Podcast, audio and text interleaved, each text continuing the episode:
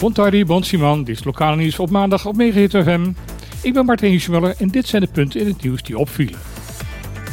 Het is heel goed mogelijk dat er al iemand acht jaar in de Bonaireaanse gevangenis zit voor een moord die hij niet gepleegd heeft. Onderzoekers van het Knoops Innocent Project zijn er namelijk van overtuigd dat dit het geval is. Dat is te lezen in een artikel van het Caribisch Netwerk. In 2014 wordt een brute overval gepleegd op een supermarkt in Kralendijk.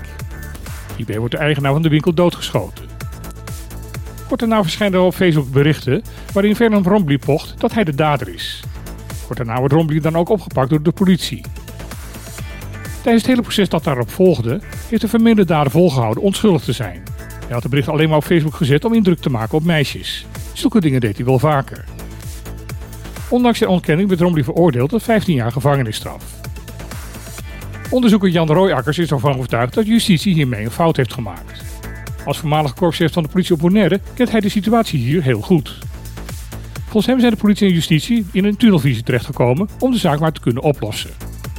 Voor Rojak is Rombly niet meer aan een puber die stoer wilde doen, maar is hij niet de echte dader. Op videobeelden is te zien dat de echte dader het pistool in zijn linkerhand houdt en ook links geschoten heeft. Rombly is rechtshandig. Ook is duidelijk te zien op beelden dat de echte overvaller een stuk langer is dan Rombly. Knoops Innocent Project wil daarom dat de zaak heropend wordt en de rechtszaak opnieuw gedaan gaat worden. In juni zullen rechters daarover een uitspraak gaan doen. Vissers die aangesloten zijn bij de coöperatie Piscabon zijn boos op de overheid van Bonaire. Al jaren klagen zij over de visserspier bij Sorbonne. Door slechte onderhoud is de pier al jaren vervallen en daarmee zelfs gevaarlijk. Piscabon heeft daar namens de vissers diverse keer over geklaagd, maar zonder enig resultaat. Nu komt de koninklijke familie deze week Bonaire bezoeken en plotseling blijkt er iets aan de stijger verbeterd te kunnen worden. Afgelopen week zijn de grote platen hout opgeschroefd, zodat het hoogheden zonder gevaar voor eigen leven in een bootje kunnen stappen om de mangrovenbossen te bezoeken. In een reactie zegt de voorzitter van Piscabon, Ernst nooit, te willen weten waarom er niet op de verzoek van de corporatie is gereageerd en of de huidige snelle opknap conform is met de daarvoor geldige natuurregels. Ook op een flink aantal andere plekken wordt uiteindelijk cosmetisch opgeknapt voor het koninklijke bezoek. De straat wordt opeens schoongemaakt en gaten dicht in wegen waar het drietal langs gaat komen. Daarom gaat er op het eiland nu stemmen op om bij een volgend koninklijk bezoek een verlanglijst naar Den Haag te sturen met plekken waar de familie langs moet gaan om te zorgen dat het daar wordt opgeknapt.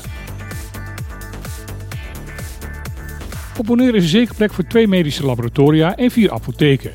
Dat is de mening van Carlos Lopez Natera, kandidaat eilandsraadlid voor de nieuwe partij M21.